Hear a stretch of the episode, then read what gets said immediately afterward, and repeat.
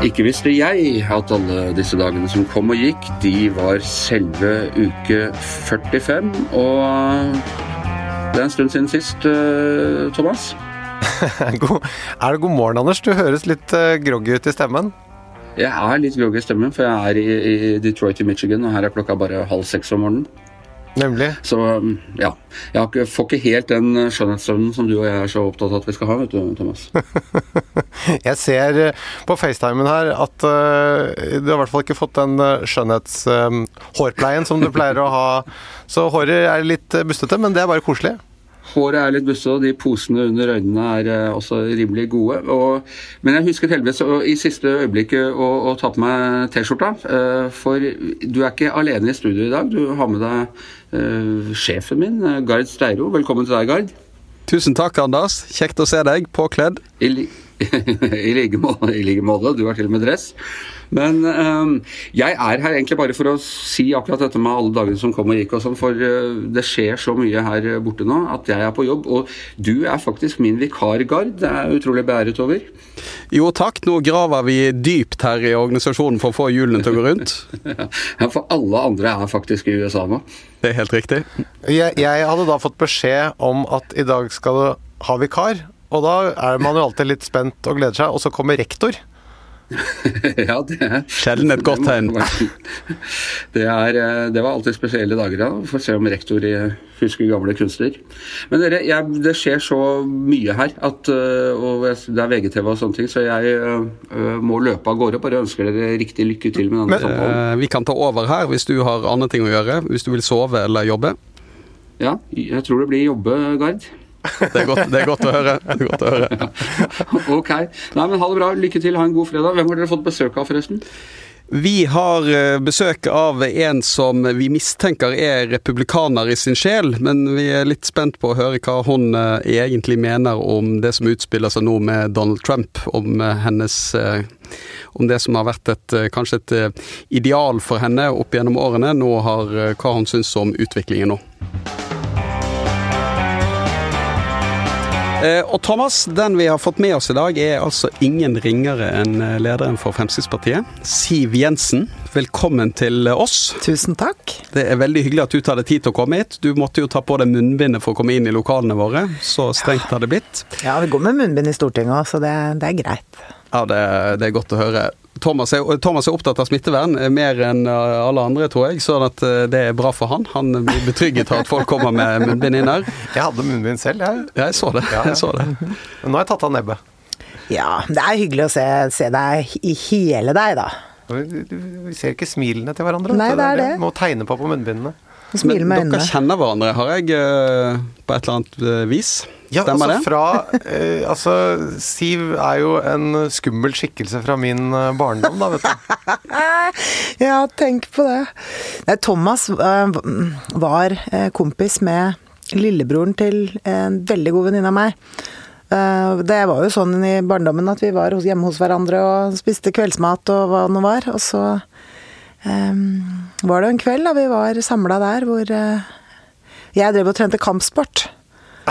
Eh, og så var Thomas, ikke sant. Thomas var jo akkurat så irriterende som barn som han er nå. Som veldig besserwisser-kjekkas. Så han sto og kjekka seg litt, så tenkte jeg det er greit. Så tok jeg og rett og slett banka han opp. Husker du dette like klart? Ja, ja, altså jeg har jo, som jeg sa, det er uh, alltid syntes at Siv har vært skummel, så det er, det er, helt klart det er mulig jeg har liksom fortrengt selve detaljene, men, eller akkurat detaljene, men det er klart uh, skikkelsen er, uh, er skremmende. Men jeg har hørt et intervju med at folk opp, jeg hørte et, en, en podkast med deg, en sånn personlighetstest-podkast med deg, der du reflekterte over dette, hvorfor folk oppfattet deg så, som, som så skummel. Mm. Altså, Det er jo ikke så rart da, når jeg hører at du banker opp eh, små barn. Nei. Nei, altså, jeg var jo et lite barn selv, da. Vær nå grei. ikke så liten, da. Nei, jeg var på- et par år eldre enn deg, eller noe sånt. Ja, Ja. og kampsporttrent, og du vet eh, Det var jo liksom et rykk der når den ene er før puberteten og den andre er etter, så blir det jo Du danset vel ballett på den tiden? gjorde du ikke det? Danset Jeg danset jazzballett. Ok. Men eh, vi har sovet lite, iallfall jeg, eh, de siste døgnene. For det, vi har, eh, det er jo valg, og det amerikanske valget. Og så lurer jeg litt på Jeg mistenker deg for å være sånn hardcore republikaner i din sjel. Jeg tenkte kanskje du har hatt en dukke av Ronald Reagan eh, hjemme. Jeg har faktisk en byste av eh, Ronald Reagan. Jeg har en liten en, jeg har det. Men når jeg blir spurt om eh, liksom, forbilder i den internasjonale politikken, så kommer eh, Thatcher aller høyest, og så kommer Reagan kanskje som nummer to. Um, men så er det jo litt sånn når man skal prøve å drive direkte sammenligning av um, politiske partier, så er ikke det veldig lett. Uh, For amerikansk politikk er noe helt annet enn det vi er vant til i Norge og i Europa. Uh, Topartisystem hvor det egentlig ikke er så stor forskjell på republikanerne og demokratene, hvis man skal se det litt overordnet.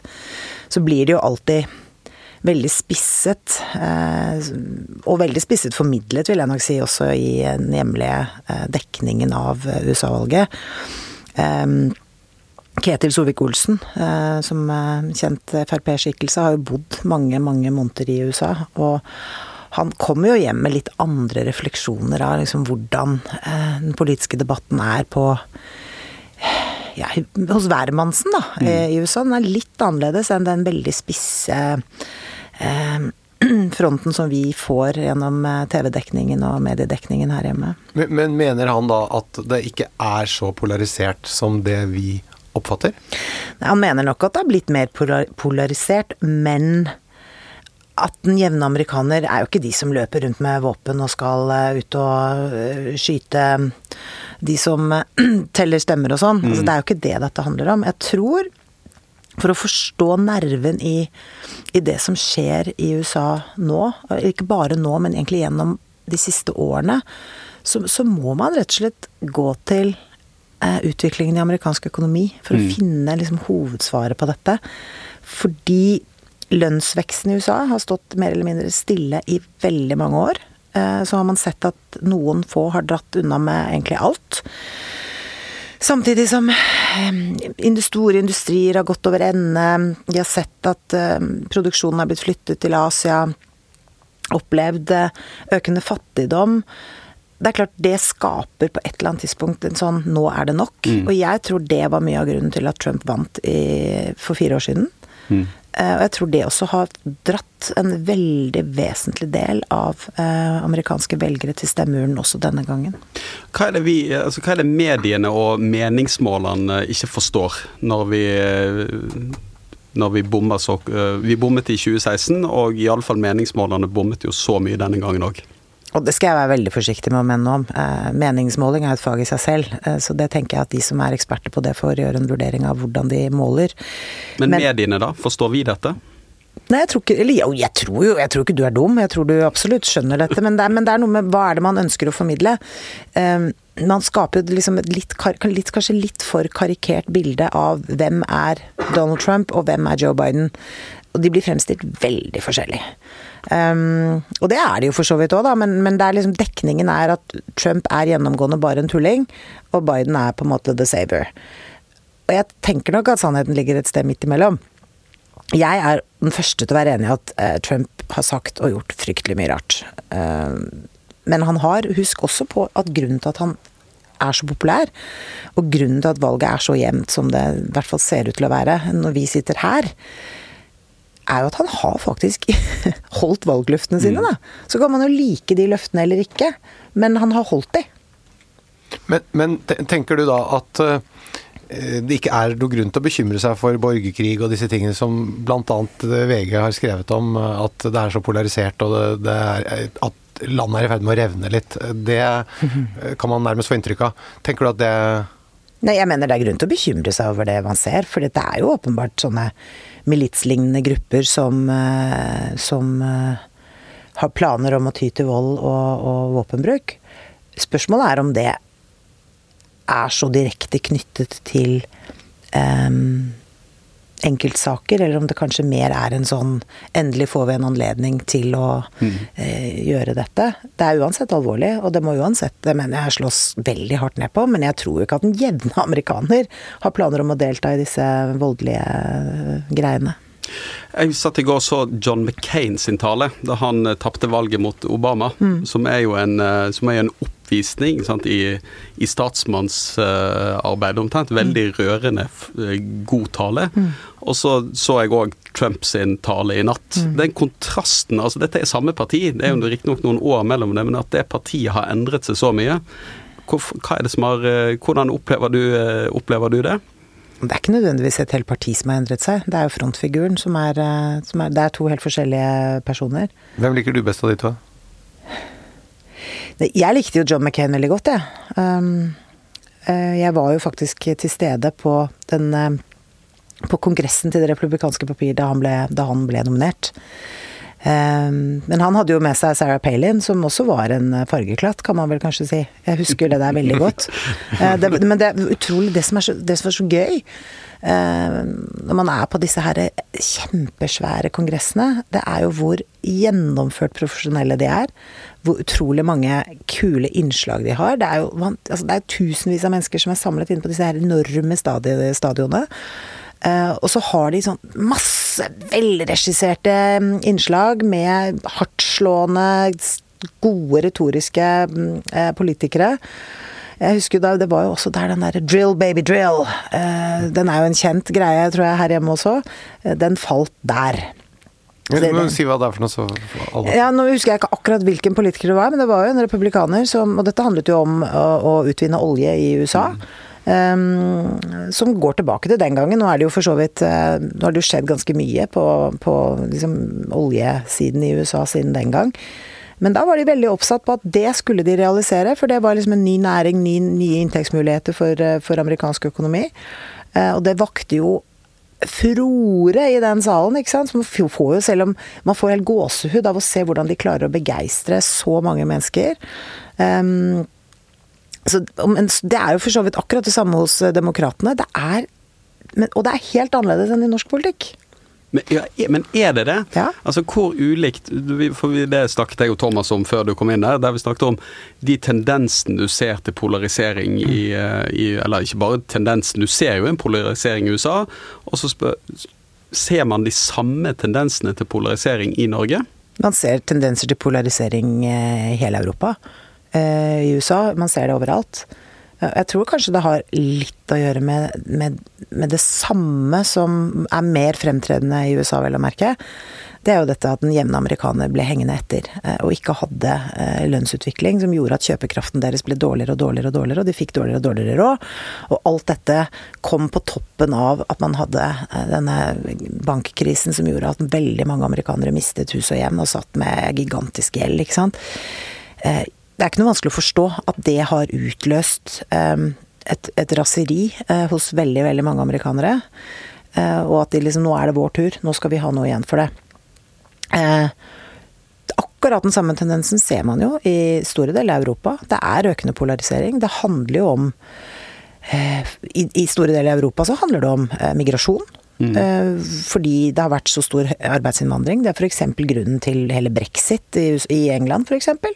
Det handler jo om at eh, den jevne eh, engelskmann opplevde at arbeidsmarkedet var skikkelig krevende. Høy ledighet, mens det kom noen hva skal jeg si, i, i anførselstegn og tok jobbene deres. Eh, og det har skapt motstand mot EU som system. Eh, og vi ser det for så vidt delvis her hjemme, men ikke på samme måte. Hvordan ser du det i Norge? Strømninger i forhold til eh, at man er mer og mer skepsis til EU. Nå har jo Norge hatt to avstemninger, og vi er jo på en måte ingen del av det, men det er en økende skepsis til det. Økende skepsis til internasjonalt samarbeid. Um, Sterkt eh, økende skepsis eh, til migrasjon. Um, og det er den samme frykten, eh, for så vidt, som rår mange andre steder, men her hjemme er den ikke like sterk, nettopp fordi um, vi har vi har et så mye sterkere sikkerhetsnett da, enn veldig mange andre mennesker har. Så noe som demmer opp for den ulikheten som er, er gjeldende i de andre landene, det, der er vi bedre rustet? Ja, for det første fordi ulikheten i Norge ikke er så sterk. Eh, I Norge så handler den kanskje aller mest om eh, de som eh, ikke er integrert i det norske samfunnet, som ikke har jobb. Store barnefamilier hvor man ikke klarer å henge med. Men gjennomgående, sant. Vi har gode velferdsordninger. Trygger innbyggerne våre med, med inntekt selv om ikke de tjener penger. Eh, vi har sykelønnsordninger, vi har gode ledige ordninger når man blir arbeidsledig. Mange av disse ordningene fins jo ikke i USA, f.eks. Mm. På samme måte. Så vi, vi, har en annen trygghet. Mindre forskjeller. Eh, bare ta helse, da. Helsespørsmålet? Som, som har dominert amerikanske valgkamper i all tid de har jo ikke et uh, offentlig helsevesen som gjør at alle innbyggere, uansett tykkelsen på lommeboka, får den behandlingen de trenger. De må ha forsikringer, de må betale dyrt hvis ulykka først inntreffer. Det er jo ikke sånn vi opplever det her. Men da tenker du at det er viktig å holde Norge unna de mekanismene som forsterker den ulikheten, da? Nei, men jeg tenker at den hjemlige debatten her handler jo eh, Altså Norge er jo enn så lenge, da, i hvert fall. Vi er et veldig rikt land, vi har masse penger på bok. Eh, vi kan, sånn som nå midt i koronahåndteringen, som, som så, så, kan vi bruke masse penger fordi vi har penger. Eh, for å komme opp med tiltakspakker, for å redde bedrifter fra å gå over ende. Eh, gi folk penger i en tid hvor de er permittert, arbeidsledige.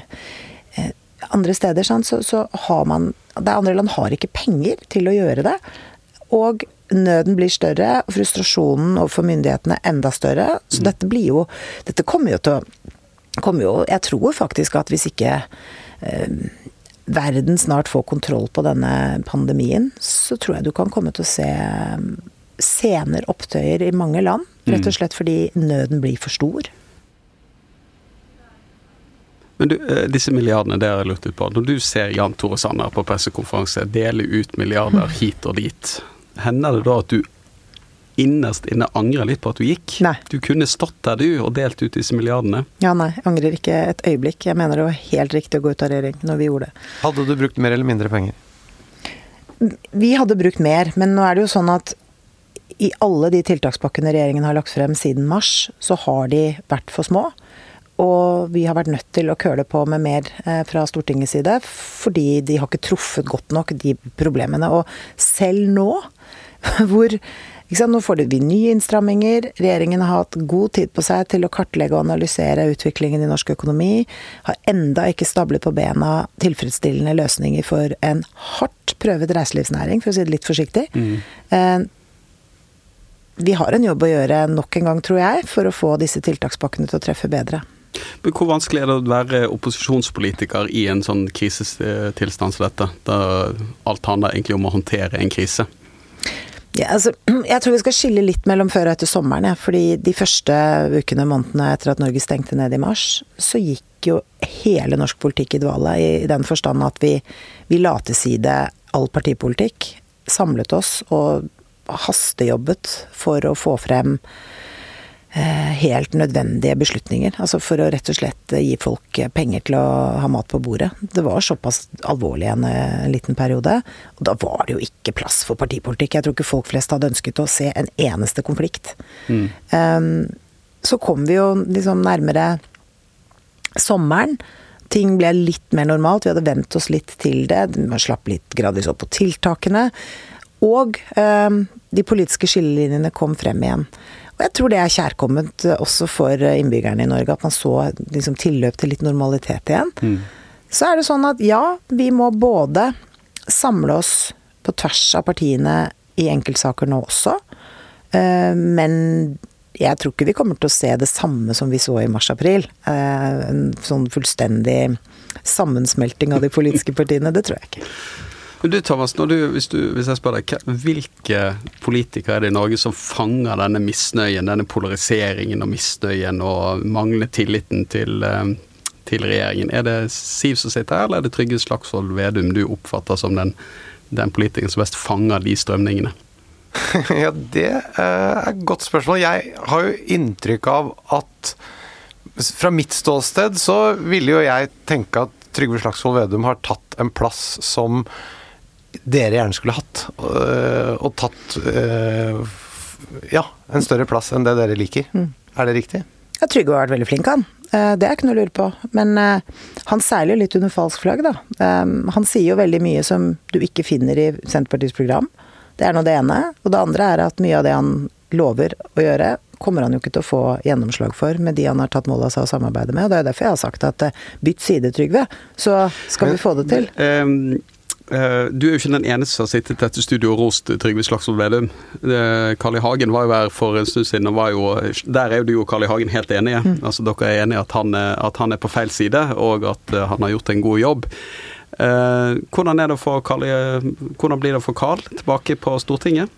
Ja, det er jo en eh, energisk mann, tross eh, at han begynner å bli godt voksen. Eh, Han har jo vært et politisk dyr hele sitt liv. Nå gjenstår det jo å se om han faktisk blir valgt inn, da. Eh, Men han er nominert på førsteplass i Oppland, og så gjenstår det å se hva som skjer med nominasjonen i Oslo.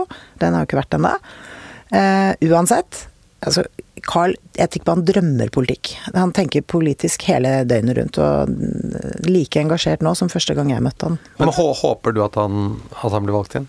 Ja, så nå, jeg håper jo at vi blir valgt inn med flest mulig representanter. For det handler jo om at vi gjør et godt valg i så fall. Og vil, jeg vil jo gjerne se at Fremskrittspartiet blir representert i Oppland også i de neste fire årene. Så du gleder deg til å få med ham på laget? Ja, det gjør jeg. Men, men det, eh, det han gjør iallfall, han uttrykker en mye mer større eh, hva skal jeg si, fascinasjon for Donald Trump, nemlig støtte til Donald Trump, enn mange andre Frp-ere gjør. Da han lanserte dette 'Norge først', han oversatte jo slagordet bare 'America first' til eh, 'Norge først'. Hva tenkte du da? Syns du det ga de Smakte du litt på det og tenkte at dette kan fungere? Jeg tenker i hvert fall sånn at det er egentlig ikke noe nytt. Eh, Fremskrittspartiet har alltid vært opptatt av å sette norske interesser først i alt vi foretar oss. Vi mener at det er, liksom for et lite land som Norge, så er det veldig dumt å ikke ta norske interesser helt fremst i, når du driver med utenrikspolitikk, f.eks. Ja, men dette er mer innpakningen. Det er jo mer Jo da, men det kan man alltids diskutere. Jeg, vet du hva, jeg, jeg syns det var ganske fascinerende. Jeg fulgte særlig med når, når, um, under den forrige valgkampen, altså i USA for fire år siden, når Trump kom seilende opp. Fordi jeg syns han var en fascinerende Og det, det mest fascinerende var jo at han var så ikke-politiker. Um, så han røska på en måte litt opp i vante strukturer, men så tenkte jo jeg da at det, dette blir artig, og han han blir helt sikkert litt mer formet av systemet rundt seg når han kommer i gang. Men det har han jo ikke blitt. Um, på godt og vondt, da, vil jeg si. For det, det, på vondt så handler det om at det er my mye mer usikkerhet, kanskje særlig i verden. Eh, fordi man vet jo aldri hvilket trekk han drar uh, neste gang, og det skaper jo litt sånn usikkerhet. På den annen side så er det jo fascinerende å se uh, altså, Han er jo en voksen mann, og hvor Altså, han er jo på sent og tidlig hele tiden med en kraft og energi som mange kan misunne han. Og så kan man jo mene at mye av det han har tatt til orde for, er altså, Jeg ville aldri funnet på å mene det, i hvert fall. På den annen side så gjør han også ting som er veldig bra. Mm. Du, hvis du har, som jeg har sittet og sett på en del av dekningen nå rundt valgkampen der borte, hvor, hvor de intervjuer helt vanlige folk på gata, og som som sier at de har liksom gått og stemt på Trump igjen fordi de har merket på lommeboka positivt de siste årene. De har fått mer igjen gjennom at eh, skattereformen hans har virket inn på den jevne amerikaner. Jeg skjønner jo jeg da at man er redd for at skattene skal gå opp igjen, og at man skal komme tilbake i en situasjon hvor man får dårligere råd. Ja, det, det var noe som overrasket meg på denne målingen CNN hadde på valgdagen, hvor, altså der de rangerte hva som hadde vært viktig der folk stemte. Så jeg var jo kanskje ikke overraskende økonomi på nummer topp, men pandemihåndtering lå jo langt, langt nede på den listen. Det tror jeg er annerledes i Norge. Eller eh, tror ikke du det? Håndter, altså det virker jo som håndtering av en sånn krise alltid styrker regjeringen eh, så lenge den er håndtert godt, da. Ja. Men det er jo litt sånn, i hvert fall her, men jeg tror i store deler Jeg, jeg tror jeg skal snakke på vegne av Norge. Eh, Så har vi jo i alle år, all tid, samlet oss rundt den regjeringen vi har, når en eller annen krise oppstår. Og det mener jeg er bra. Eh, Men jeg tror også det har å gjøre med at vi er et samfunn med veldig små forskjeller. Korte avstander. Hvor du kan møte eh, politikerne dine på gaten og snakke med dem. Uten at det er en jernring rundt. Eh, det er ikke så store avstander. Du kan møte? Jeg husker helt i begynnelsen da Jens Stoltenberg var statsminister. Eh, så møtte jeg han en søndag på et sånn hageland. Det, da var jeg ikke Altså, jeg var ikke så liksom jeg var ikke partileder ennå, eller noe sånt. Det, vi, vi sto liksom inni der blant busker og, og trær og slo en prat og Kjøpte bark?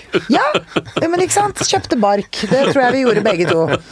Um, så, og det er, jeg tror det er noe av styrken med, med Norge. Du kommer tett på. Uh, avstanden er ikke så store. Uh, og det gjør også at vi kan samle oss når, når det røyner litt på. Men, men du, du, sier at uh, hvis jeg forstår deg riktig, så kan vi kanskje skille litt mellom de realpolitiske endringene som Trump representerer, og så har du formen hans, måten hans å snakke på og sånn, som mm. er jo eh, kanskje vel så ja. Altså, den Og da, da, lurer jeg på Tenker du at en sånn type tone, som du sier, den er, den er jo eh, i hvert fall veldig lite statsmannsaktig og lite politiker eh, Hva skal jeg si for noe? Lite vanlig politiker over det. Det er jo for så vidt også en tradisjon som har vært i Fremskrittspartiet helt siden Anders Lange startet partiet. Nettopp det å være en sånn outsider. Mm. Men tenker du at eh, vi bør ha mer av det klimaet i Norge, eller mindre? Jeg har tenkt ganske mye på det i, i alle mine år som politiker. En av grunnene til Du begynte jo i stad med å snakke om at jeg var litt skummel. Mm.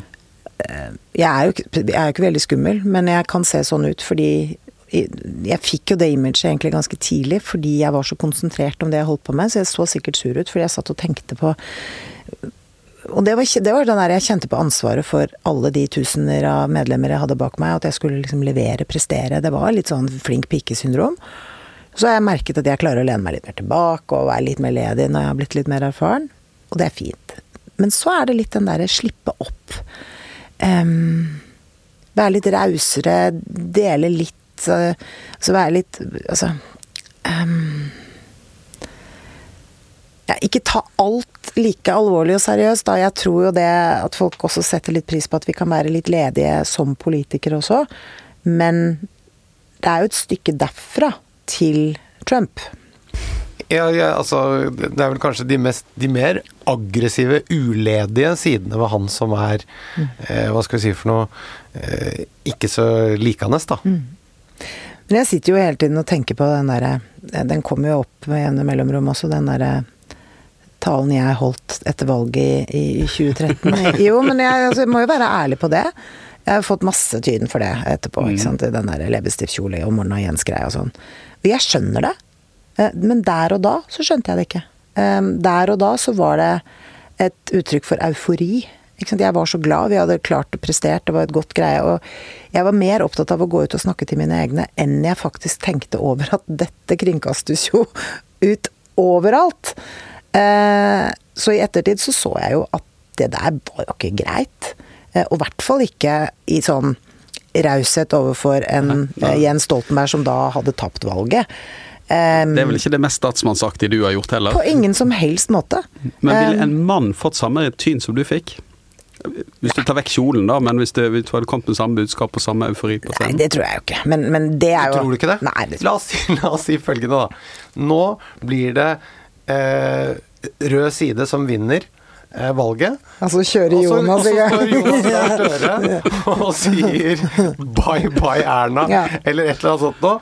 Det tror jeg Nei, men, men, til det der med forskjell på menn og kvinner og sånn, jeg, jeg, tror ikke vi må underslå det. Altså, og jeg har sagt det mange ganger gjennom mitt uh, politiske liv, at alle de portrettintervjuene jeg har hatt med også med VG, altså med, med mange, så, spørsmålene jeg får Eh, og de skiller seg komplett fra hvilke spørsmål man ville stilt en mannlig politiker. Det handler om klær, om antrekk, om frisyre, om kjæreste, om altså, alt mulig sånne ting. Og Jeg har liksom aldri sett at man har vært like opptatt av de tingene når man intervjuer menn i tilsvarende roller og posisjoner, da. Um, så det er Men var ikke Jens Stoltenberg, da han kom fra AUF og sånn, det var veldig mye sånn kjekkeste mann og Det var veldig mye sånn Ja, men man, man, man gikk jo ikke og Altså, man stilte ikke de samme spørsmålene inn i intimsfæren hans som jeg har fått.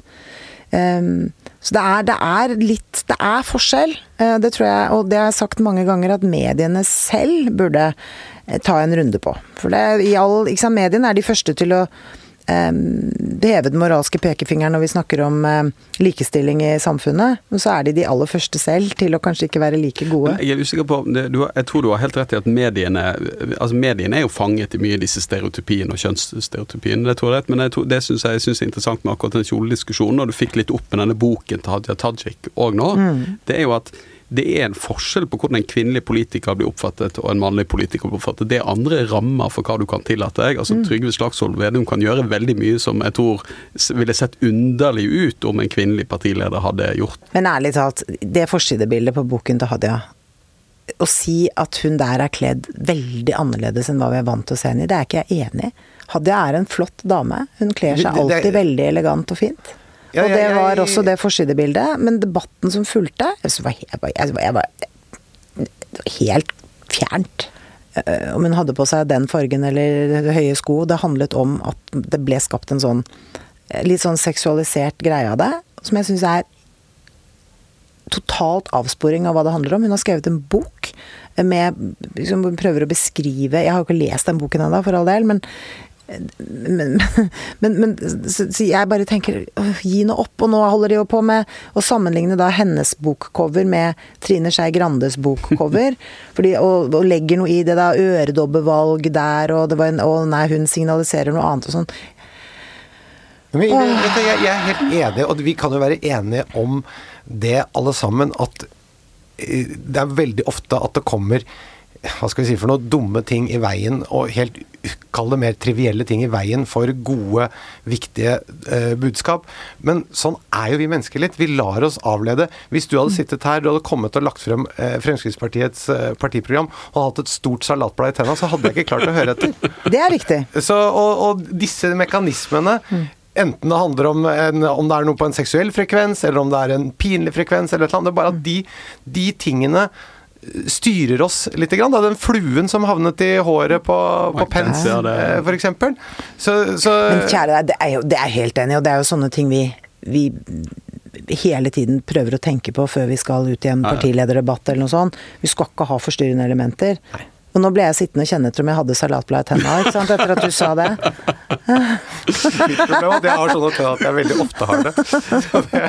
men, eh, men, vi må Du har jo et stramt program, altså apropos trivielt. Dette er jo trivielt i sammenligning med det andre du skal gjøre i dag. Men eh, før du går, så må vi stille deg eh, vårt faste spørsmål. Vi er jo opptatt av norsk økonomi, selvfølgelig i likhet med Fremskrittspartiet, og det må vi alle bidra til.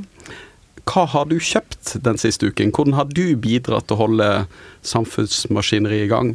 Har du bestilt en, hjulpet reiselivet å bestille en Viken på hotell, eller noe annet noe? Hva har jeg kjøpt den siste Utover uken? Utover mat og uh... no, Helst noe dyrt. For, for å være helt ærlig, så har jeg kun vært Jeg har vært innom matbutikkene ved et par anledninger. Uh, har jeg kjøpt noe annet, da? Jeg tror ikke det. Ingenting? Men det har vært en litt sånn, sånn uke. Uh, kommet seint hjem fra jobb og Hva er det siste dyret du kjøpte, da? Nå er jeg inne i denne sesongen med Og hele familien har bursdag. Oh, ja. Så der, eh, der ligger det nå. Er du en raus gavegiver, eller ja. prøver du å holde sånn innenfor det politisk korrekte? Nei, men jeg så For eksempel når det gjelder julegaver, da, så har jo vi skrella ned. Fordi at det, det er litt sånn Man kommer jo til det punktet hvor vi liksom kjøper for å kjøpe, og det syns jeg er så fjernt, da. Så vi har skrelt unna veldig mye julegaver i familien og konsentrerer oss om barna. Uh, og så gir vi heller liksom gaver til hverandre som er type opplev felles opplevelser. Gjøre noe sammen. Ja, det er jo det beste som fins. Og det koster penger, så det bruker jeg mer enn gjerne penger på. Du da, Thomas, du har ikke, jeg har lest at du har gjort en sånn kule på sånn Kahoot-aksjer. Det leste jeg et sted, så du kan jo virkelig dra kortet. Du, altså øh, Papirpenger virker ikke i butikken, sånn at øh, men, øh, men, vet du hva jeg har kjøpt meg, Gard? Nei. Det siste jeg kjøpte, det var eh, rett og slett å fornye VG pluss-abonnementet. Så eh, Men det er Og det er dyrt! Men det som, er, det som jeg kan si, da, det er at eh, jeg kommer jo fra TV-bransjen. Og når TV-bransjen nå eh, legger over til digital distribusjon, eh, så selger de også abonnementer. Men det som er fordelen med å kjøpe et abonnement hos dem, er at du da slipper å se reklame. Mens når jeg er på VG-nett, altså jeg ser altså reklame opp og ned stolper. Selv om jeg da har pluss-abonnement, så må jeg jo se Fire Fjordkraft, eller hva det er for noe, og elbil Det tyder på at du kjøper mye ting på Fjordkraft, da. De Nei, det, har, det, det har, Har du ikke sett at reklamene er Jo, det, tilpasset det er skjønt, men ikke de, jeg er usikker på om VG har dere den samme Nei, vi, er ikke, løsningen. vi er ikke like raffinerte som Facebook. Vi samler ikke så mye data om deg. Men, uh, men noe personalisering kan vi tilby. Å, jeg har har ja, nettopp. merket Så det. dere har vært og snokt litt, uh, avlyttet telefonen min litt, grann, for å grann. finne ut av hva det er Jeg tror ikke det er noe å lure på. Det er stadig vekk jeg er inne på VG-nett, og så popper det opp reklame på noe jeg akkurat hadde kjøpt på nett. Så det er ikke tilfeldig, vet du. Så det der med sånn Capri-pants, det er ikke så moderne som jeg tror. jeg trodde det var jeg så sånn å se reklame for det overalt. Tenkte det må være veldig in nå, selv om det er høst, tenkte jeg. Nei, så det er ikke Hva har du kjøpt da, Gard? Uh, jeg har litt som uh, eh, Siv, jeg har ikke hatt så mye tid, men jeg har kjøpt én ting. Jeg har, kjøpt ny, jeg har funnet fram en sånn pulsklokke som måtte kjøpe ny reim til. Ja. Fordi at uh, nå har vi sånn akti aktivitetskonkurranse i VG, der vi må telle skritt. For vi skal være aktive nå under hjemmekontorsituasjonen. Så du går trappene opp i Går syvende trappene, etasje? men grunnen til at jeg fikk denne klokken, det var at jeg havnet på lag med Hanne Skartveit. Og den damen går så enormt mye. Går, han, Mer enn Anders? mer enn Anders, ja. Hun går hele Ja, de to eh, har jo en De er jo i USA begge to, og går jo og går jo og går jo. Så når jeg ble helt eh, Så jeg kunne liksom ikke Jeg må fant at jeg måtte registrere hvert et skritt jeg tar, for i det hele tatt at det ikke skulle bli pinlig. For det kan jeg si at hvis Anders kan skrive kilometergodtgjørelse på de gangene sin, så, så får du en stor regning. Han har 30 000 skritt. 30 000? Ja, ja, ja. I, i døgnet. Oi. Ja, det er ganske mye. Det er Ja, det er ganske ikke- mye. Det er Da slår han Hanne. Han gjør det, ja. Ja, da slår han Hanne. Men du har, men du har eh, Hvor mange har du, da? Jeg, nei, jeg har ikke så mange, men jeg prøver jo Hvis jeg er med Anders, så uh, blir det mer. Men uh, jeg, jeg, jeg vil ha over 15 000. Du, teller du skrittene dine? Ja, jeg er også pulsklokke. Og du har det? Ja, ja. Hvor, ah, du har Fitbit. Det er samme som Anders. Hvor mange skritt har du? I dag tror jeg ikke Jeg har sittet på kontoret hele dagen, så jeg nekter for å tro at det er noe så Jeg vil se om jeg får det meg på her. Det kan ikke være så veldig mye mer enn eh, Å ja, nå er jeg nærmer meg 4000. Til etter å ha sittet på rumpa hele dagen. Oi! Men det er sånn jeg prøver da å gå trappene inne i Stortinget Um, Men så skal jeg ut og trene og gå litt uh, etterpå i dag, så da tenker jeg at jeg klarer å komme opp i de sånn 12-15 etter hvert. Ja, for det er der du vil være. Ja, sånn i hverdagen. Men problemet er at det, det, er, det er litt for mange dager jeg kommer hjem, og så ah! Må jeg bare erkjenne at eh, det sprakk i dag. Men da skal du melde deg på laget til eh, Anders Giæver. For Ja. da blir du presset ut da på kvelden. Altså Da føler du eh, så mye skam over ikke gå at da må du eh, ut. Men det er ikke, problemet mitt er ikke eh, dørstokkmila. Det er faktisk eh, tid. Ja, ja, Ellers så kunne jeg invitert deg med på tur med Anders og meg, Siv. Ja, men det gjør jeg gjerne. ja, men det hadde vært hyggelig. Du er hjertelig velkommen. Da, men eh, hvis det bare Ikke noe kampsportgrep, så er det greit. Du, jeg, de ferdighetene skal jeg ikke skryte på meg lenger. Det var en gang. Jeg er blitt en gammel dame nå. Ja, men det, da, da er det trygt, eh, Siv. Nå er det bare koselig nå. Siv Jensen, tusen takk for at du brukte tid på oss i dag. Takk for at jeg fikk komme. og ha en strålende helg. I like måte.